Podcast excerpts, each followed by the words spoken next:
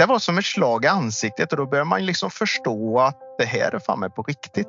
Och det, det kommer jag aldrig glömma och då blev jag helt totalt nedbruten. Han bara sa hur är det egentligen? sa han.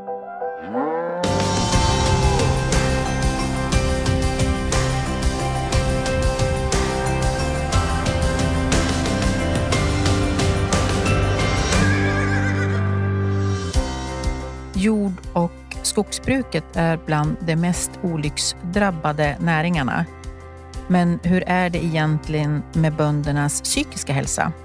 Fredrik Tidström var en högpresterande man i sina bästa år som trodde att han var frisk.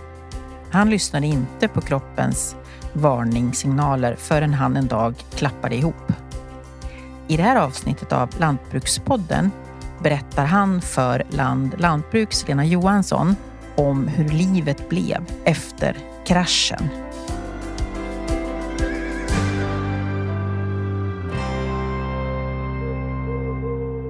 Ja, 2018, just det året kanske ja, har sina förklaringar till varför det hände just då. 2018 som alla kommer ihåg så var det här torråret eh, då givetvis det var extremt torrt.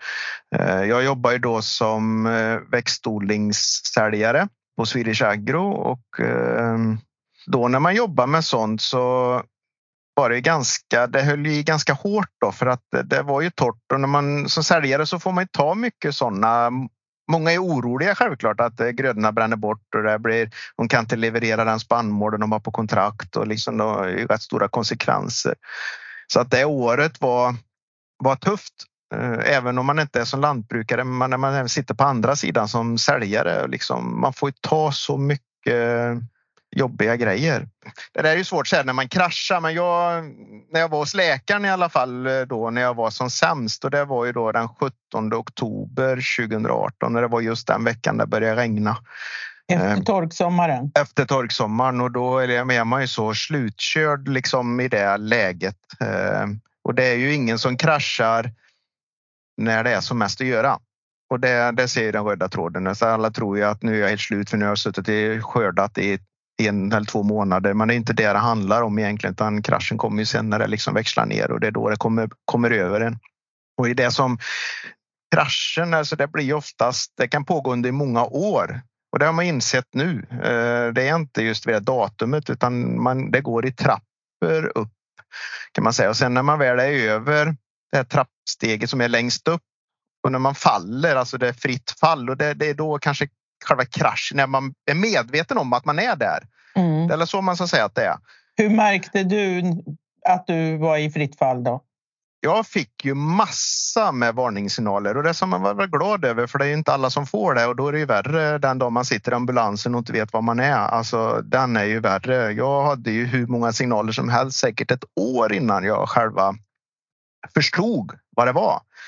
Började med att jag tappade känsel i i tungan och sen blev det på, med läpparna och så där. Och, ah, skyllde jag ju på en elektrisk tandborste. Då. Det var oftast på kvällarna som jag fick det. Då skyllde jag på den. Sen hade jag svårt att andas. Eh, alltså, jag trodde att jag var allergisk och då har vi några ekar bakom huset och då skyllde jag lite på det för mig själv. Att det är nog de som spökar för oftast på kvällarna när jag kommer hem. Sen har vi en hund och det gick att skylla på den också. Att man var allergisk mot den. Men Eh, eh ja, och så var det självklart inte. Men det Men, och du, kopplar försöker... du kopplar inte ihop de här symptomen att de hade med varandra att göra? Man vill inte. Man fattar, men man vill inte. Mm. Det är det som är grejen. Man accepterar det inte. Så andningen blir jobbigare och jobbigare och sen så börjar jag tappa känsel i händerna och sen så slutar det med att det blir typ tusen nålar eller i, i underarmen då så att säga. Och då börjar man bli orolig att nu är nog hjärt hjärtat. Och det var då, kommer så väl ihåg det, för vi var på ett säljmöte och då så sa jag det till min dåvarande chef att jag nu vet du fasiken, nu börjar det bli lite för spännande för jag tappar känsel i underarmarna. Och då kommer jag så väl ihåg det. Patrik Persson som han heter, min chef då, som sa det att eh, jag beordrar dig att åka på, till läkare. Mm. Jag, hade inte han sagt det så tror inte jag hade gjort det. För man är så... Um, ja, kallar det high performance människa. Man vill inte liksom förstå eller acceptera det utan det händer inte mig. Liksom. Det är inte något utan det där går över och det är bara strunt i det där så blir det väl. Så det var nog det som var räddningen att han sa det och då hade som väl var en sjukvårdsförsäkring via jobbet och eh, då kontaktade jag dem och jag blev, då gick det ju fort. Eh, jag blev, ringde ena dagen och fick åka till en eh, läkarmottagning i Jönköping då, dagen efter i princip. Då. Och då kom jag ner till en eh, läkare där och han hade jobbat som psykolog i många, många, många år. Eh, nästan i 60-årsåldern tror jag han var. Han hade en väldigt rutin.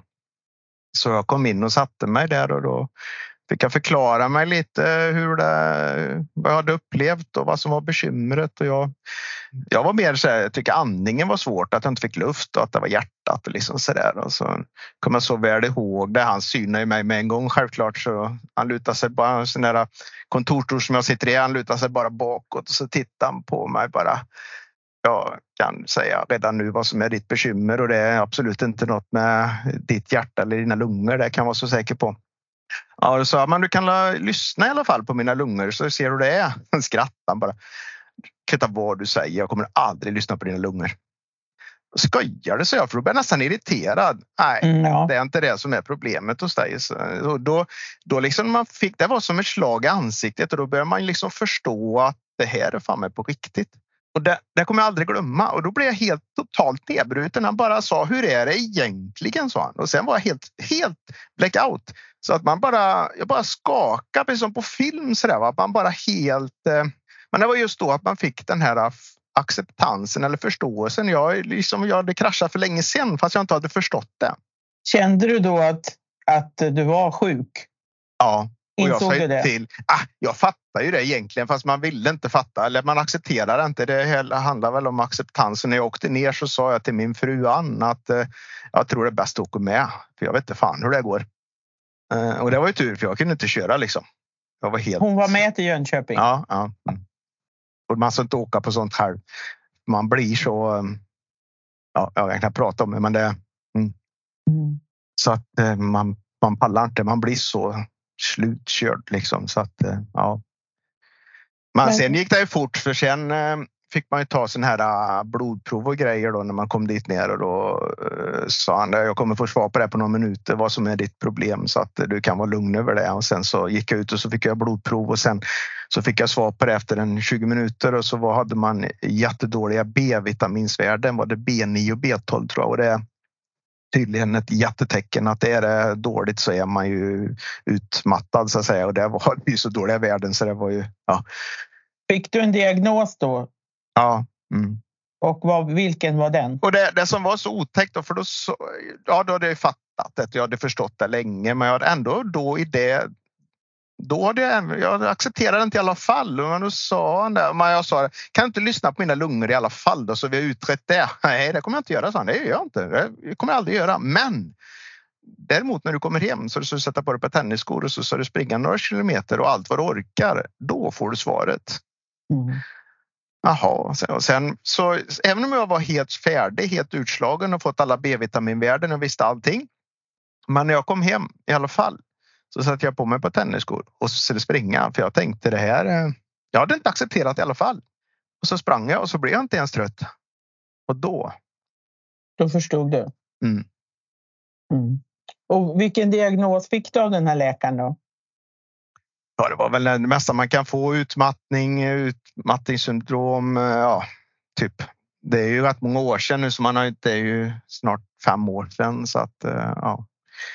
Men eh, sen efter det i alla fall så det var rätt så otäckt just det här med hur, det, hur man kan reagera. För när jag hade sprungit den där kilometrarna utan att bli trött så gick jag upp i duschen och ställde mig där och la telefonen på bänken och där ringde den här telefonen oavbrutet. Jag tänkte jag orkar inte. Det får ringa alla dagar men jag orkar inte idag. Jag pallar inte att svara.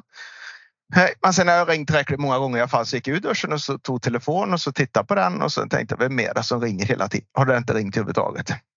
Du var så stressad så du hörde ja. telefonen fast mm. den inte ringde. Mm. Det där är ju fruktansvärt.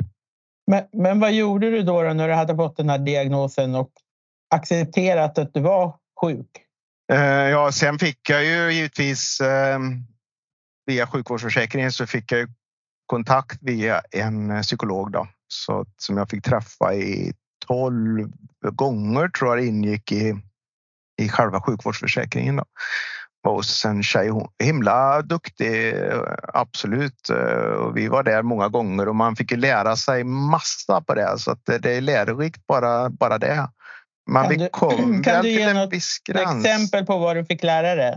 Nej, men just att se andra eller hur man fungerar. Alltså man sitter hos de här, de sitter ju liksom och synar en med en gång så man åker dit. Alltså det går inte att tro att man kan åka dit och flumma och tro att man kan mörka någonting utan eh, liksom de, man ställer tusen frågor och sen säger de, varför andas du djupt nu? Varför, varför tog du bort blicken nu? Varför sitter du och trummar med fingrarna nu? Varför eh, liksom bara sånt hela tiden och till slut så åker du dit. Alltså de är ju jätteduktiga på det. Och det, eh, det bästa med det där är att man har lärt sig att se andra.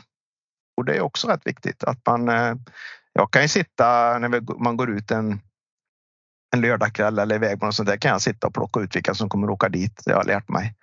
Och det är rätt otäckt det där när man eh, liksom vet, man kan plocka ut människor som man vet kommer och eller som nästan har krasch, som egentligen har kraschat bara på grund av att man ser dem hur de gör helt enkelt. Är det vanligt ja. att du träffar sådana som du ser har kraschat? Jättemånga. Varje dag. Och under de här åren så jag har ju varit ganska öppen med det. Så jag har ju pratat med många och, och ja, skrivit öppet på Facebook och allt sånt där. Så att det är många som ringer till en då och undrar när de känner att det här är ju något som inte står rätt till. Och det, jag tror det var uppe i över ja, 101 stycken lantbrukare nu sedan 2018 som jag pratar med. Lantbrukare i flesta i Västsverige. Då. Så att, eh, Vad säger du till dem? Nej, man får ju försöka och förklara. Alltså många vill ju bara lyssna på hur man själv har liksom reagerat och få svar på varför man reagerar som man gör. Det tror jag är den viktigaste biten. Att man förstår varför man eh, ja, man inte orkar vissa saker och att man är när man är sönderstressad. Alltså, man kan inte läsa ett stycke text till exempel. För man, man är inte så koncentrerad så man kan inte läsa. Man kan inte, jag som, som idag jobbar ju som rådgivare och som jobbar liksom, det är ju, jobbar mycket med växtskydd och det är ju massa beräkningar hela tiden och vilka preparat och doser och sånt där. Och, men när jag är, om jag liksom har kraschat på dagen och det händer ju rätt ofta. Då kan inte jag räkna enklaste mattetal. Det går inte utan då är man helt blackout i hjärnan. Liksom. Även om de tror att man kanske är okej, okay, men det går inte funkar inte. Och då får man säga det och det tycker jag har varit en räddning för min sida just att man alla vet ju det. De kunderna jag jobbar med, de vet det liksom att eh, ja, ja, det är en sån dag och liksom. Ja. Så du får eh, återfall eller vad man ska kalla det för? Ja, inte varje dag, men eh, flera gånger i veckan fortfarande. Och vad gör du då? Man har lärt sig att hantera det. Man får eh, bara försöka ta ett par djupa andetag och fokusera på något annat, liksom en liten kort stund och då var jag tillbaks känsel i fingrarna ganska fort ändå. Så det är minuter som man får. Eh, Så det handlar om liksom komma tillbaks igen. Men sen om man åkt på en rejäl krasch, alltså typ som för ett par veckor sedan. Då, då tar det en hel helg att komma på banan igen. Eh, men samtidigt så är det ju rätt skönt att man, man fattar ju vad det är. Alltså man behöver liksom inte. Innan var man så orolig för att det kunde vara något annat, cancer eller hjärtat eller ja, du vet ju, man tror ju det värsta. Och just den här äh, konsekvensen av utbrändhet eller utmattning är ju att man blir ju orolig för allt, mm. minsta grej. Och det är som med många lantbrukare jag pratar med, de är så Ja, men jag köpte ju gödningen fel, jag sålde spannmålen fel och bla bla bla. Men det där är ju egentligen konsekvensen av att man kanske redan är där. Eh, är man frisk och mår bra så liksom, ja, ja fan det var en dålig affär, jag får på nästa liksom. Då, då, då är man inte där utan det är, det är mycket konsekvensen av det. Och där, när man säger det till många då börjar de ju fatta. Okej. Okay. Mm. Vad ska man göra om man får en sån där varningssignal då? Om man känner att nu är det nog på väg att bli för mycket. Ja, det är svårt. Ehm, jag själv fem år efter åker dit flera gånger i veckan i alla fall. Så det är ju... Mm. Och säga till någon hur den ska göra, alltså det är när man inte ens kan styra sig själv, alltså det är problematiskt. Så att man krävs ju att man har eh, hjälp.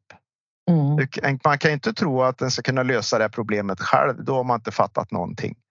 Men jag gick hos den här psykologen i alla fall i Falköping gick jag ju 12 gånger och det, vi kom väl ganska långt och jag fick en förståelse men vi kom inte längre och jag vet inte riktigt vad det var. Sen, sen så fick jag, sen var min fru som eh, försökte kolla upp lite olika sådana här terapeuter och lite sådana olika. Hon fick ju då på Facebook reda på en som heter Björn Rudman. Han driver ett eh, företag som heter Kaladrius i, i, utanför Göteborg. Eh, och han spelar in massa sådana här poddavsnitt eh, om just sånt här. Och han själv har ju suttit också i en sån här sits. Han vet ju vad han pratar om. Eh, och så var det i alla fall en grillkväll på sommaren. Vi var helt själva, jag och Anna. Sen satte hon på telefon på ljud och sen så fick jag lyssna på ett avsnitt. Eh, och jag var varit lite skeptisk mot sånt där kan jag säga. Mm, både mot psykologer och allt sånt där skit. Eller på att säga. Men då spelade, han upp, spelade hon upp det avsnittet och just det avsnittet handlar om high performance människor. typ som man vill så mycket själv, men man kan inte sätta stopp. Alltså då fick jag en liksom aha-upplevelse för det var exakt som han berättade hur mitt liv var. Du kände det, igen dig? Exakt i detaljer. Och skitjobbigt självklart. Jättejobbigt när man eh, tjafsmäll på tjafsmäll på något sätt. Då. Sen har han gjort hundratals avsnitt eh, korta och, och jag lyssnar på dem allihop och flera stycken flera, flera gånger. Så jag tog kontakt med Björn i alla fall och så åkte jag ner dit och så var det vid ett antal tillfällen och det var nog räddningen tror jag. För han är eh, så duktig och mm. liksom så lätt att prata med och så. Så det vill till att man, alltså jag säger det, man ska inte, man ska prova några psykologer. Vissa liksom klaffar. Det är som med alla människor, att vissa kommer du inte överens med och vissa, jag säger inte att den, den eh, så hon som jag var hos i Falköping, det var absolut eh, fel och var jättebra. Man vill liksom, det, vi kom inte längre. Man Björn, det var exakt. Alltså det var pricken på it och han eh, just hur man ska tänka sig som en terapeut. Han är liksom nästan två meter lång, tatuerad, kickboxare, har varit för detta elittränad eh, och liksom det var inte precis den bilden man hade på en terapeut. Men så bra, så lätt, så rak och tydlig. Alltså, man, man, behöver, jag behöver ju någon som säger så får du fan inte göra. Det fattar du väl? Eller hur, hur tänkte du nu? Så kan du inte göra. Det måste du begripa. Liksom, såna, och det behöver man. Eller jag behövde det i alla fall det. Ja. Så, sätta, ner, sätta ner den på jorden liksom. Att, eh, ja, så att det, det räddar mig kan jag säga. Den där podden som han gör, kan eh, vem som helst lyssna på den? Ja, det går att gå in eh, han har bytt lite olika. Nu tror jag det heter eh, Kaladrius, men Björn, Björn Rudman i alla fall. Och sen, jag tycker de här avsnitten han gjorde i början de var bäst. Sen nu har det blivit lite proffsigt eller lite mer seriöst. Förut då kunde han sitta i en busk, buskur och prata om att nu sitter jag här och det är massa svammel omkring och jag pallar inte den skiten liksom och, eh, på grund av det och det. Så det var liksom så naturligt och så exakt så de avsnitten var bättre så kan jag tycka än de sista. Sen är de andra mer professionella och sitter i studio och pratar och ja, ja, jo, det är jättebra. Men som sagt, de första var så klockrena. Alltså, de lyssnar jag på allihop. Idag då, vad blir det fem år senare? Hur, hur ser ditt nya liv ut? Ja, när jag jobbade som sagt som säljare då och sen blir man ju när man får sånt där så blir man ju sjukskriven i en månad i tag först och sen så blir det kanske förlängt till tre månader och bla bla bla. Och det är ju så det går till liksom. Det är ju så alla. Eh, men under den tiden jag blir ganska klar över att jag kan inte liksom gå tillbaka till samma grej igen för det kommer inte jag överleva för det handlar ju om det. Man pallar, jag hade inte, jag, nej, jag hade, det hade inte gått. Så jag fick erbjudande även i företaget då, som jag var på att få en annan position. Men nej, jag tänkte det går ju inte. Jag fattar liksom. Det kommer ju, då kommer jag ju få jobba dels med det, det nya, men sen kommer ju jag falla in i gamla rollen så då kommer alla ringa i alla fall. Det kommer ju vara samma strul och allting. Så jag tänkte, nej fy fan, det vågar jag aldrig mer utsätta mig för. Och då bestämde jag mig för att jag måste göra något som man trivs med liksom, och sånt som ger energi. För jag vill inte jobba med sånt där som tar energi för att det kan bryta ner den på några minuter. Så att eh, nu kan man ju välja vilka kunder man vill jobba med och exakt vad som man behöver inte ta i sånt där uh, meck. Liksom, jag jobbar idag med rådgivningsfirma och jag har valt att jobba med sånt ute i fält och hos lantbrukarna. Jag tar inte i, i såna här uh, skatter, EU-ansökningar, greppa näring och massa sånt där skit. Alltså det skulle jag aldrig utsätta mig för. Det är snack om att ta energi. Det är borta liksom, utan jag jobbar bara med sånt som jag tycker är kul. Eh, och det har gjort att man har har överlevt helt enkelt. Mm. Men sen är, det ju, sen är det ju spännande ändå. Alltså det som fick mig att krascha det var egentligen alla frakter och leveranser. Det var ju inte själva jobbet i sig utan det var ju allt strul som blev. För eh, jobbar man med försäljning och ju mer man jobbar desto mer säljer man ju med tiden och mer, ju mer du säljer desto mer strul är det ju. Ni vet ju själva alla, det räcker med att bara gå som privatperson, Postnord och allt sånt där. Funkar det eller? Funkar ingenting idag med transporter. Då kan ni tänka från morgon till kväll. Liksom bara problem. Och eh, så fort det ringde i min telefon så bara, så tog man ett djupt andetag. Snacka om att eh, de signalerna som är liksom så tydliga, att man tar ett djupt andetag, då är det något som inte är bra. När det ringer i telefon så man säger, fasiken vad bra, nu ringer han, det var ju kul. Utan då var det bara, nej, vad har hänt nu? Mm. Um, och det var ju det som fick mig att komma, komma över den här så fritt fall så att säga. Så var ju det frakter och leveranser. Så samma det har jag lovat mig själv. Jag kommer aldrig mer jobba med sånt. Aldrig. Det är inte värt det. Och, så jag är inte på ljudet på min telefon. Ja, ibland har jag på bara för att testa och se hur jag reagerar. Jag har haft någon vecka så där, men det går skit. Vet du. Så fort det ringer den där så tappar jag känsel i fingrarna. Mm. Och det var ett tag jag gick på gym och tränade och så tänkte jag vad då fasiken så hade jag på den där melodin som jag haft i telefonen och tänkte jag ska träna bort skiten bara. Nej, går det inte. Det sitter så hårt så att eh, det är bara att glömma. Vad skulle du säga är din viktigaste lärdom av det här som du har gått igenom då? Välj bort allt som tar energi. Det är ju det som är totalt livsfarligt. Alltså det, är, det är som många säger, nu har jag jobbat nonstop i två månader och suttit på tröskeln. Och ja, ja, men det är inte det utbrändhet handlar om. Då är du trött. Det är en mm. annan sak. Utbrändhet är något helt annat. Alltså då, eh, det farligaste är som Björn sa när jag var nere och för nästan första frågan jag fick. Sa han så här, vad, vad är det som är kul? Då står man som ett frågetecken. Då vet man inte vad som är kul.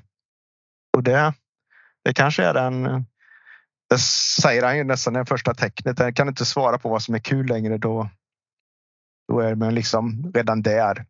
Man har liksom prioriterat jobbet och allt sånt så man har liksom glömt av vad som är, vad som är kul. Och det är rätt otäckt mm. att det mm. kan bli så. Men därför kan man inte liksom jobba med sånt som, som inte ger energi. Det otäcka med alltihop, jag är så känslig för sånt där äh, teknikstrul. Alltså jag har en hel buss som ni ser här bakom mig som jag har mitt kontor i och jag mäter allt vad som går att mäta i fält och använder teknikgrejer hela dagarna. Och det är ju en utmaning för att eh, teknikstrul, alltså det pallar jag ju inte. Fast ändå så har jag mycket sånt. Men det kan ju få mig att trilla dit eh, sådana enkla saker. Liksom åker upp med drönaren och så är det något som krånglar med någon överladdning eller parkoppling eller sånt där. Då kan jag vara helt färdig sen hela dagen. Så att det handlar inte om att det liksom är någon ringer eller något som är utan det kan vara en sån enkel sak som triggar igång det så kan jag tappa känsel i fingrarna bara för att en sån skitsak krånglar. Vad spelar det för roll egentligen? Eller bara strunta i Men det är liksom då man redan. Eh, mm.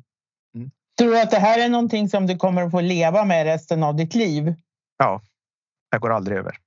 Nej. Och det är ju som och det där är ju rätt otäckt när man får det.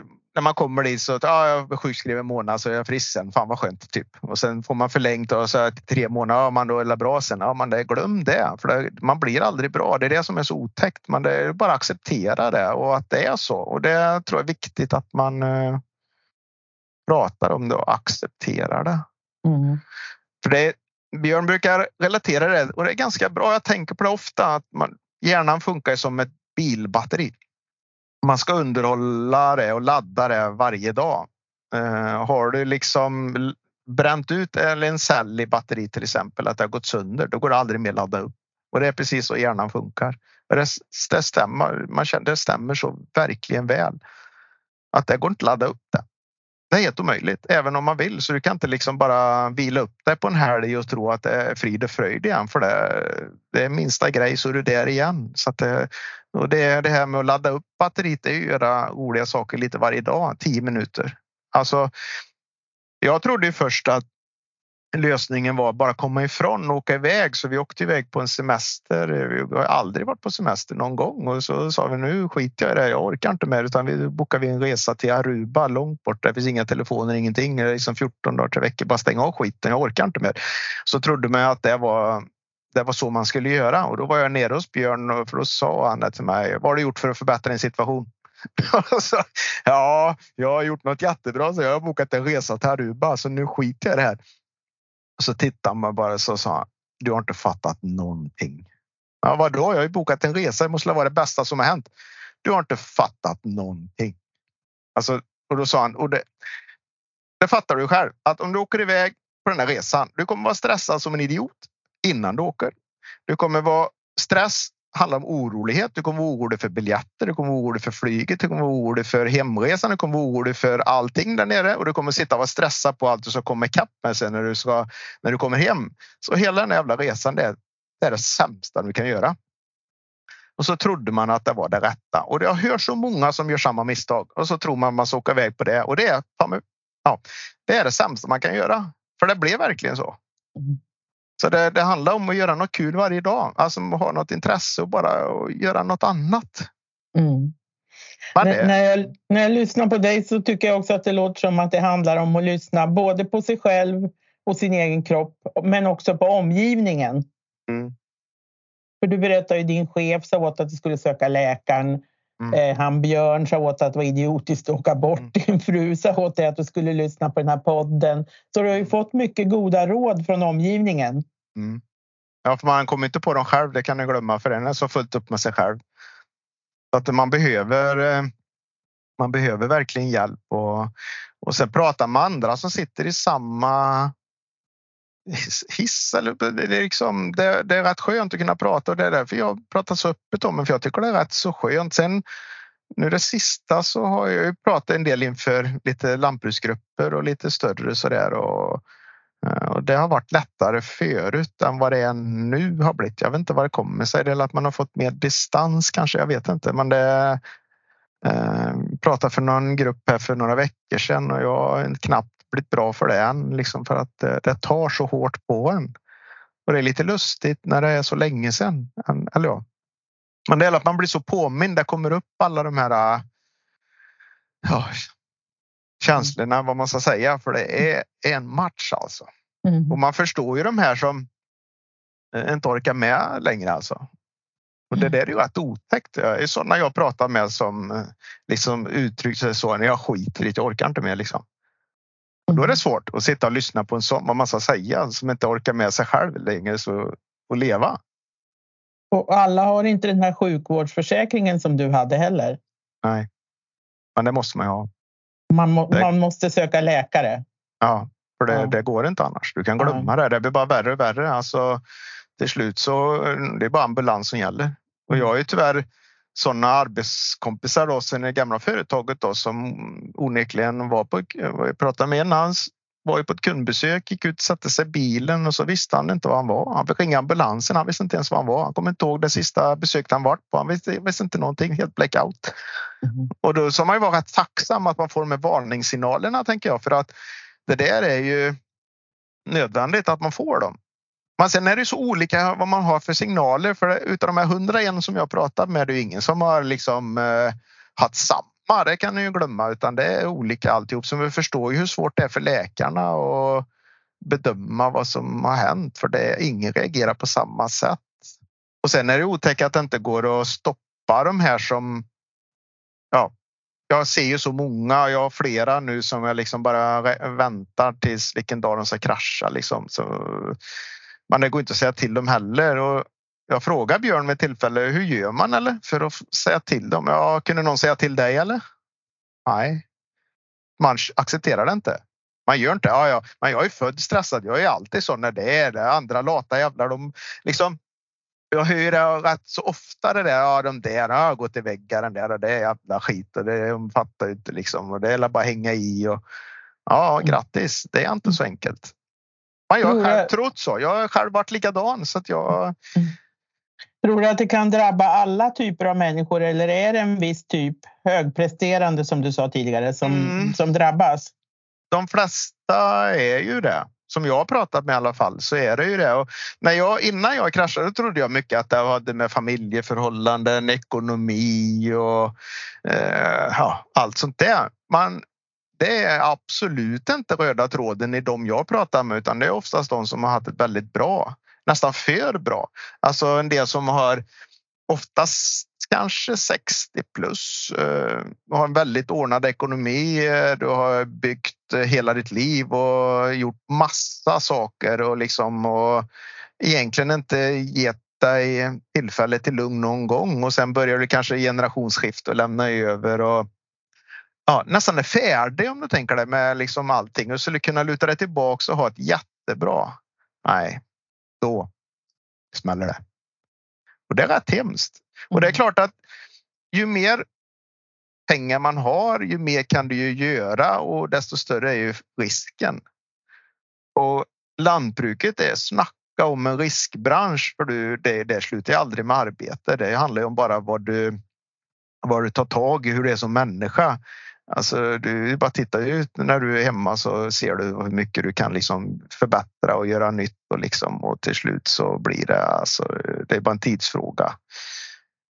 Eh, så den är totalt livsfarlig och sen är det ju det här. Eh, många säger nu är det så jobbigt med alla de här kontrollanterna och de här eh, länsstyrelser och det är fruktansvärt och vi har pratat om det i vårat Scandinavian Farmers som vi driver också att vi ska anställa en en jurist eller advokat som vissa liksom som får ta alla de här. Vi ska inte själva ta i de här besöken och när det blir sådana tyngre beslut liksom, utan då säger jag till att du får ta med min jurist eller min advokat för jag tar inte det liksom. För att det tar livet av många lantbrukare kan jag säga. Så att det där är, det är något vi håller på med nu och försöker och man pallar inte det och det är egentligen kanske konsekvensen av att man redan kanske har ehm, kraschat att du blir vansinnig så fort det kommer såna här eh, kontrollanter och såna här grejer att du smärt, eller du har ingen smärttröskel utan man exploderar och det är ju ganska tydligt tecken när samma om du slinter med skiftnyckel och så blir du förbannad med en gång och drar näven i, alltså då är ju något som inte är bra. Självklart och det märkte jag på mig själv också. Man får kort förbi. Ja, ja, ja. Sen går det inte över andra på något sätt. Det behöver inte göra man just att du känner och blir förbannad direkt. Alltså det är ju något som inte är sunt liksom. Och det är, det är konsekvensen utav och det är ju det är då man är kanske redan där eller det ja. Så det, man växlar ner. Grattis, du kan inte bromsa någon som bara vill fram. Alltså jag vet inte hur man gör. Jag har inget svar på det. Skulle man kunna säga att det här är ett stort och allvarligt problem för lantbruket? Kanske det värsta utav allting. Jag menar, eh, och det är så många man pratar med så det, det, ja, det, man, ja, nästan alla. Så, och man hör ju direkt när man kommer ut på gårdarna så börjar de ställa lite frågor. Hur är det med dig? Har du blivit bättre? Man hör de vill liksom börja och ställa frågor. Det gör de inte för egentligen att fråga mig utan det är för att få en acceptans på hur de själva är. Jag ser, man ser, har ju lärt sig det där liksom. Och... Har, har du något eh, sista gott råd till dem som går omkring och känner att de kanske är i riskzonen? Det är ju att ta hjälp och sen se till att få luft i schemat och inte bara arbete hela tiden. Men eh, säg säger jag som är sämst i klassen på det då. Men det, är, det är lätt att, lätt att säga, men det, så, men man behöver kanske någon utifrån som säger till det. Som hemma så Ann hon säger till men det räcker med att komma innanför dörren så säger den har varit för mycket då eller? Fast jag har inte sagt något ens. Så du har en klok fru. ja, som tur är. Annars vet jag inte. Nej, Nej det, det är otäckt alltså och det tänk till före för det är inte värt det. Jag lovar er. För då har du väl åkt dit så blir det aldrig bra. Du lyssnar på Lantbrukspodden som i det här avsnittet handlar om psykisk ohälsa. Fredrik Tidström, som du precis hört, möter dagligen bönder som visar symptom på annalkande utmattningsdepression. Men egentligen finns det ingen tydlig bild av hur stort problemet med psykisk ohälsa bland lantbrukare är. Jordbruksverket avsatte tidigare år medel till en kartläggning av böndernas psykiska hälsa. Peter Lundqvist, professor emeritus i arbetsvetenskap vid SLU Alnarp, håller i kartläggningen. Ja, jag har jobbat med väldigt många olika typer av arbetsmiljöfrågor. Alltifrån eh, mycket kring hur man förebygger skador och olycksfall, belastningsergonomi, hur man kan utforma arbetsplatser på ett bra sätt men också på senare år en hel del med kriminalitetsfrågor, och djurrättsaktivism och också på senare tid nu om Eh, psykisk ohälsa bland lantbrukare. Ja, det här senare, eh, psykisk ohälsa, har ni ju fått eh, pengar från Jordbruksverket för att starta ett forskningsprojekt kring. Kan du berätta lite om det?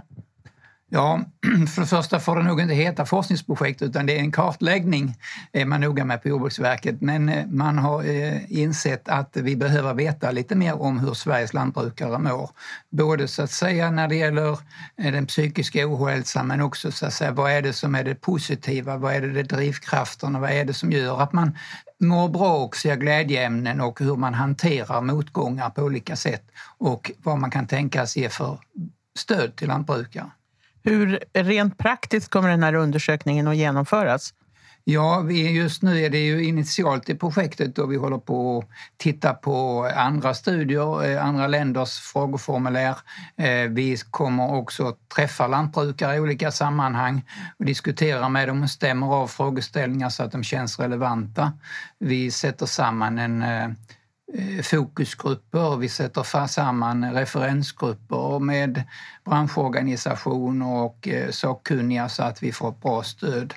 Eh, och sedan är det tänkt att vi ska genomföra en stor enkät under vintern här i januari, februari, mars när vi förhoppningsvis lantbrukarna har bättre tid att svara på en enkät. Hur många bönder hoppas ni nå med undersökningen? Ja, vi tänker att vi vill nå så många som möjligt av Sveriges heltidslantbrukare. Och eh, det för rent praktiskt så är det, vill vi använda Jordbruksverkets eh, register på de som har registrerade e-postadresser. Eh, så ja, hade vi kunnat få en 10-15 000 lantbrukare att svara på enkäten hade varit fantastiskt bra. Ja, då har ni ett stort underlag. Ja, absolut.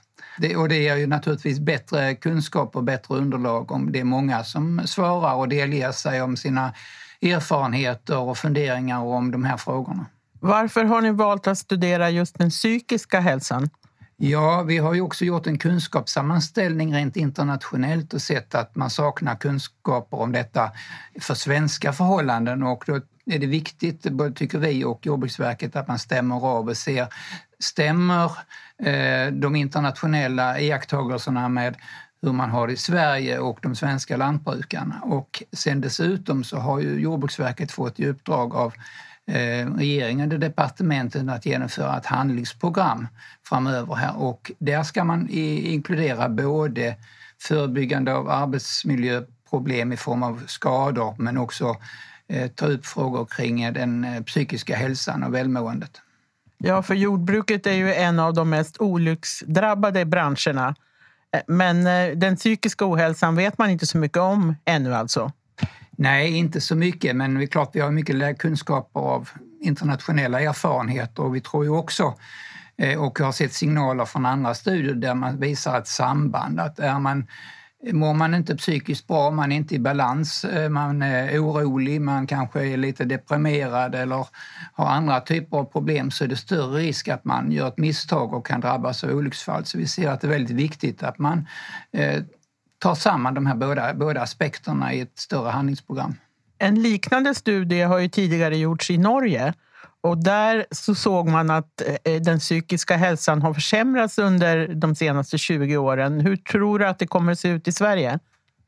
Ja, dessvärre så är det väl eh, så att vi kan väl tro att det är någon likartad utveckling även i Sverige och på senare år har vi också haft nya utmaningar och inte minst nu med eh, krig och eh, pandemier och ökade kostnader, eh, osäkert eh, läge på världsmarknaden och alltihopa så är det en hel del som kan spela in och så sent som 2018 hade vi också en tork, torka som eh, var, kunde vara väldigt besvärligt för vissa lantbrukare. Så att en hel del nya utmaningar har kommit på senare år som är naturligtvis tufft för många lantbrukare. Vet man någonting om vad orsakerna till de norska böndernas ohälsa var? Ja, det har man väl sett en del äh, saker och ting. Det är väl också strukturen, hur det har ändrats. Äh, landsbygden i Norge, det är inte samma längre eh, så att säga, service och eh, struktur på landsbygden längre som det har varit. Eh, man kanske inte längre, precis som i Sverige, har lantbrukare som grannar. Man känner att man eh, kanske inte lika förstå mycket förståelse från allmänheten, från politiker och, och annat. Så att, eh, och man har naturligtvis också drabbats av likartade problem som man gör i Sverige. Eh, så att eh, det finns likartade problem säkert så vi, vi kommer också naturligtvis att och, eh, lära oss av de norska studierna och ta med oss det när vi ställer frågor och eh, tittar på den svenska situationen. Det finns alltså anledning att tro att orsakerna är de samma i Sverige? Det kan det vara, mycket, mycket på det på viset. Men, men samtidigt är det ju viktigt att ha den här anknytningen till det egna landets eh, speciella förhållanden. Vi, har, vi är med i EU, det är man inte i Norge. Vi kan ha olika politiska förutsättningar.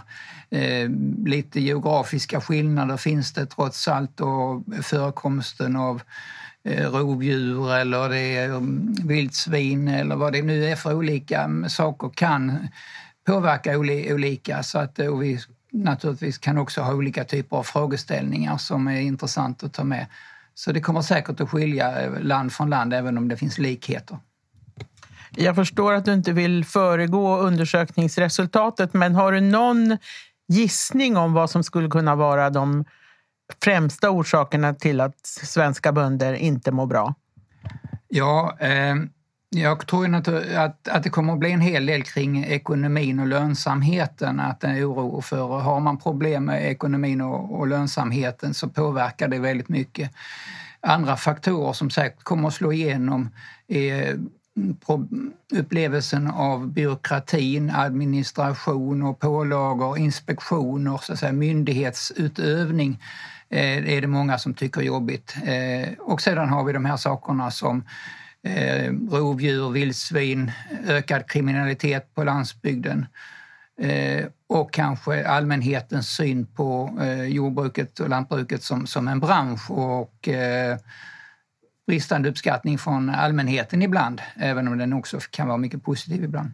För annars brukar man ju ibland säga att bönderna lyckliga. De har lägsta andelen skilsmässor, de trivs på sitt jobb.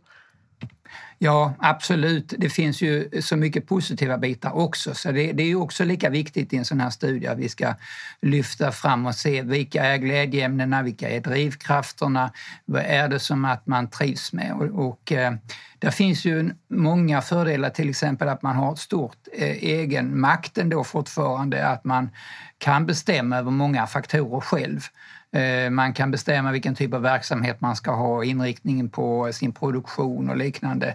Eh, man följer naturens växlingar, ser resultatet av sitt eget arbete, eh, kan ha så att säga, en bra livsmiljö tillsammans med sin familj nära naturen och kan ha fritidsintressen kombinerat med lantbruket. Så det finns en väldig massa positiva drivkrafter också som är lika viktigt att vi plockar fram i en sån här studie. Finns det en machokultur inom jordbruket som skulle kunna göra att man inte till exempel vågar tala om om man mår dåligt? Mm. Ja, det, det, finns det säkert fortfarande. Det har andra studier visat att, man, att den finns kvar och man har sett det när det gäller inställningen till eh, risktagande och liknande. Så det finns säkert även i Sverige när det gäller eh, denna typen av frågor. Man pratar mycket gärna mer om praktiska problem och dess lösningar men eh, män har väldigt svårt att prata om känslor, att man är orolig, att man är rädd för konsekvenser av eh, problem i form av ekonomin eller annat. Eh, så vi hoppas ju att sånt här projekt skulle kunna öppna upp lite grann mer och prata om de här frågorna, precis som man gör många andra saker. Men nu kommer fler och fler kvinnor in i, lantbruket. Tror du att ni kommer se någon skillnad på mäns och kvinnors välmående?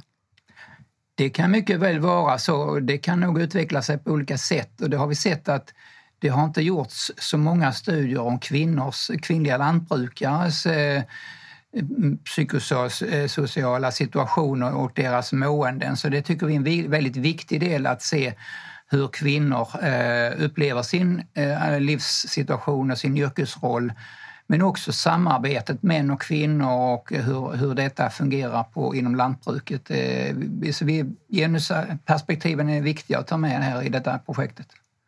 Så om man är två som jobbar i lantbruket så kommer ni undersöka både mannen och kvinnan? Ja, vi försöker ha med eh, båda aspekterna på det hela även om vi vet ju att eh, vi kan inte så att säga Eh, vi, rätt sagt, vi har inte riktigt löst det hur vi ska göra det men vi vill ju ha med båda aspekterna och eh, vi ska ju ha den som har huvudansvaret, det är det den som tänkt ska svara. Så det behöver inte vara ägandet utan det är att den som är, så är det så att säga den så man behöver inte vara ägare för att svara på enkäten. Det kan vara så att man är den drivande och det är i många fall som det är kvinnorna som är drivande även om de inte alltid är den som står som eh, huvudägare. Så att vi väldigt viktigt att få med dem som är drivande också. Vi kommer att ställa frågor också om det här med hur det är att fungera med samarbetet inom familjen och om man har anställda och alltihopa. Nu är ju inte du den som ska ge råd, men, men har du något råd till den som mår dåligt? Ja, ja, och det har jag ju sett eh, också vad man ger för råd i andra länder. Det är ju att överhuvudtaget börja prata med det här. Prata om de här frågorna. Eh, att man börjar eh, hitta någon som man kan prata om att man inte alltid mår bra. Bara det att prata om de här sakerna är väldigt viktigt eh, och det kan man göra med sin familj om de har förståelse för sin oro. Har man inte det så kanske det finns eh, vänner, kollegor eller någon annan. Och eh, LRF har ju också omsorgsgrupper och liknande som kan ge stöd till den som känner att nej, jag vill prata med någon som är helt utomstående. Så att det finns ju olika sätt att, att hantera detta och Eh, jag tror det är ett väldigt viktigt första steg att man börjar prata om de här sakerna. Det behöver inte vara något negativt överhuvudtaget utan börja prata om de här sakerna är nog ett bra första steg. Sen hoppas jag ju att vi kan få eh, mer verktyg och mer stöd och eh, öppna upp kring de här sakerna framöver. Vi kan ju alla känna oss lite nedstämda ibland, men vad, när går gränsen? Vad är varningssignalen för när man bör ta hjälp? Ja, alltså som du säger, upp och nedgångar har vi allihopa i livet. Jo, det kan vara skilsmässor, det kan vara anhörig som går bort eller något problem i sitt företag. Men det brukar man alltid ta sig igenom på olika sätt och, och eh, genom att egen kraft eller att man eh, med hjälp av andra stöttning tar sig igenom. Men det är väl om man känner att man fastnar i ett, ett eh, nedstämt eh, läge, att man är deprimerad eller konstant orolig, att man kör, att man körs fast och börjar få för mycket funderingar kring det. Då är det kanske dags att fundera om jag inte ska ta och prata med någon annan om detta så man inte kör fast i det här tråkiga läget. När man börjar älta samma saker hela tiden? Ja, precis. Precis, det kan man göra antingen älter man det själv eller inne i sin familj och det kanske eh, familjen klarar inte av att tackla det här. Kanske helt enkelt man behöver någon ytterligare, eh, något annat bollplank som ger en möjlighet att se frågorna på ett annat perspektiv. Det kanske var rådgivare om hur du ska organisera din verksamhet eller hur är eh, någon ekonom som kan hjälpa dig också sen att lägga om dina lån eller fixa till saker och ting så att du kommer ur den här jobbiga situationen. Det brukar alltid finnas lösningar. Eh, det är kanske inte bara så att man inte ser det själv. Som anhörig eller vän eller granne, vad kan man göra då? Ja, man kanske ska eh, fråga, bry sig, fråga hur mår du? Och inte bara liksom säga det här, och, men hur mår du egentligen? Alltså att ställa den här ytterligare frågan och våga ta det där eh, extra frågan Eh, och våga säga att jag tycker att du ser, ser trött ut eller jag tycker du ser lite deppad ut eller våga ställa den extra frågan och då vågar man börja prata. Så var inte rädd för att ställa en extra fråga om om eh, hur din granne eller din eh, vän eller din eh, kollega mår. Utan ställ gärna någon ytterligare följdfråga så vi får igång ett litet samtal om de här frågorna. Och då måste den som mår dåligt våga visa sig sårbar? Ja, absolut. Det måste vi våga göra. Men det är som eh, du också nämnde att vi allihopa har vi motgångar och glädjeämnen i livet så att det är inte så konstigt. Det är bara det att det, det har ju oftast varit så att Sveriges lantbrukare är väldigt stolta och det ska man vara. Men man, man, för är man stolt och duktig och eh, stå, stor professionalitet så kan man också våga prata om de här sakerna som kan vara motiga. För jag tror att den som tar den här diskussionen har också haft sina motgångar så att man har säkert mycket att ge varandra. Ja, den som vågar ställa frågan har kanske mått dåligt själv. Det är säkert så. Alla har vi erfarenheter av eh, så att säga, olika typer av motgångar i livet. Så att, eh, därför tror jag att eh, alla människor har en, en förmåga och en möjlighet att prata om de här sakerna. Vi bara öppnar upp för att även prata om detta. Eh, nu för tiden är man kanske inte så många som jobbar på gården utan bonden kan vara själv. Vad tror du det kan innebära för det psykiska välbefinnandet? Ja, en del människor tycker ju om att vara ensamma och trivs med sig själv men, men i längden är det ju inte riktigt bra. Eh, och eh, utländska studier har också visat att ensamheten är ett väldigt stort bekymmer. Eh, det kan vara ensamhet av olika eh, art, det kan vara att man lever eh, isolerat, att man har långt till grannar överhuvudtaget man har, och att det finns en ensamhet i form av att det är dåligt utbud av service på där man bor. Det är en ensamhet, men det kan också vara att man är ensam, att man inte längre har några kollegor, till exempel det finns inga fler eh, lantbrukare som driver mjölkproduktion där man, i den kommunen man bor. Man har inga kollegor så man känner sig ensam på det sättet. Det kan vara en ensamhet i att man, eh, man har en familj som eh, finns där men de har ingen förståelse för eh, jobbet som lantbrukare därför att ens partner har ett annat jobb och har en annan utbildning och ett annat liv under dagarna och man får vara ensam och jobba ensam. Man kan vara med i, i olika olika sociala sammanhang där det inte är andra lantbrukare som, och människor inte förstår det man jobbar med, så att det en ensamhet. Så ensamheten kan så att säga, finnas som ett, eh, ett bekymmer eller som ett problematik eh, på olika sätt. Eh, och man kan ju också bli enkling eller änka och man kan ha skilsmässor och på annat sätt. Men just ensamheten är en viktig faktor också. Och då kan man ju fundera på det så att säga när man försöker förändra saker och ting. Eh, om man nu förändrar så att vi inte har de lokala nätverken utan man försöker, man lyfter upp, man slopar lokala nätverk och liknande. För har man inte de lokala nätverken när man träffar andra så, så, så, kan det också bli ett bekymmer att man inte känner att man har någon att prata med som man har förtroende med. Så man ska vara rädd om de här sociala nätverken på olika sätt och inte minst ensamhetsproblematiken är ett bekymmer som vi inte får glömma bort i det här sammanhanget. Om ni nu kommer fram i den här undersökningen till att Sveriges bönder inte mår så psykiskt bra, vad tror du det får för effekter? Ja, eh, det, det, kan det vara delvis, men jag, jag tror dels så kan man eh, hitta olika typer av eh, stödinsatser. Det kan ju vara dels att man satsar mer på att stötta dem för de som behöver mer fördjupad, eh, mer större, större mm, typ av insatser men också mer att vi kanske får mer eh, tips om hur man eh, och handledningar kring hur man självhjälp helt enkelt. Hur, och hur kan du förebygga eh, att du hamnar i dåligt mående genom att kanske utveckla andra intressen, se till att ta pauser, eh, försöka ha en avbytare, någonting annat så du kommer ifrån jobbet, träffa andra människor än bara lantbrukare kanske boka på semester och man kan och, och utveckla andra intressen och sådana saker. Det är väldigt viktigt att hitta det som är bra för mig och det kan ju vara att du är glad för jakt eller du är fiske eller vad det nu är för någonting eller inte har den typen av hobby men vill ta upp det. Så det är väldigt viktigt att hitta vad är det som ger mig avkoppling, vad kan jag återhämta mig för nya krafter? Och kanske också vi ska ha någon typ av eh, stödmaterial. Jag såg till exempel i Australien har man någon typ av eh, egen stödsmaterial som är för liksom hur stöttar du som anhörig någon som du ser att börjar bli lite, må lite dåligt. Så vi, lite, vi har så mycket material som handlar om hur vi ska förebygga olycksfall eller hur vi ska göra saker och ting säkrare eller bättre på annat sätt. Men jag tror vi kanske behöver anpassa ett material också hur vi stöttar eh, lantbrukare och lantbrukarfamiljer som inte mår helt bra. I slutet av nästa år ska kartläggningen av de svenska böndernas psykiska hälsa vara klar. Peter Lundqvist hoppas att resultaten ska kunna användas när Jordbruksverket på uppdrag av Näringsdepartementet tar fram en ny arbetsmiljöstrategi som går ut på att förebygga personskador och förbättra den psykiska hälsan för lantbrukare. Lantbrukspodden tackar Peter Lundqvist och Fredrik Tidström för deras medverkan i det här avsnittet om psykisk hälsa.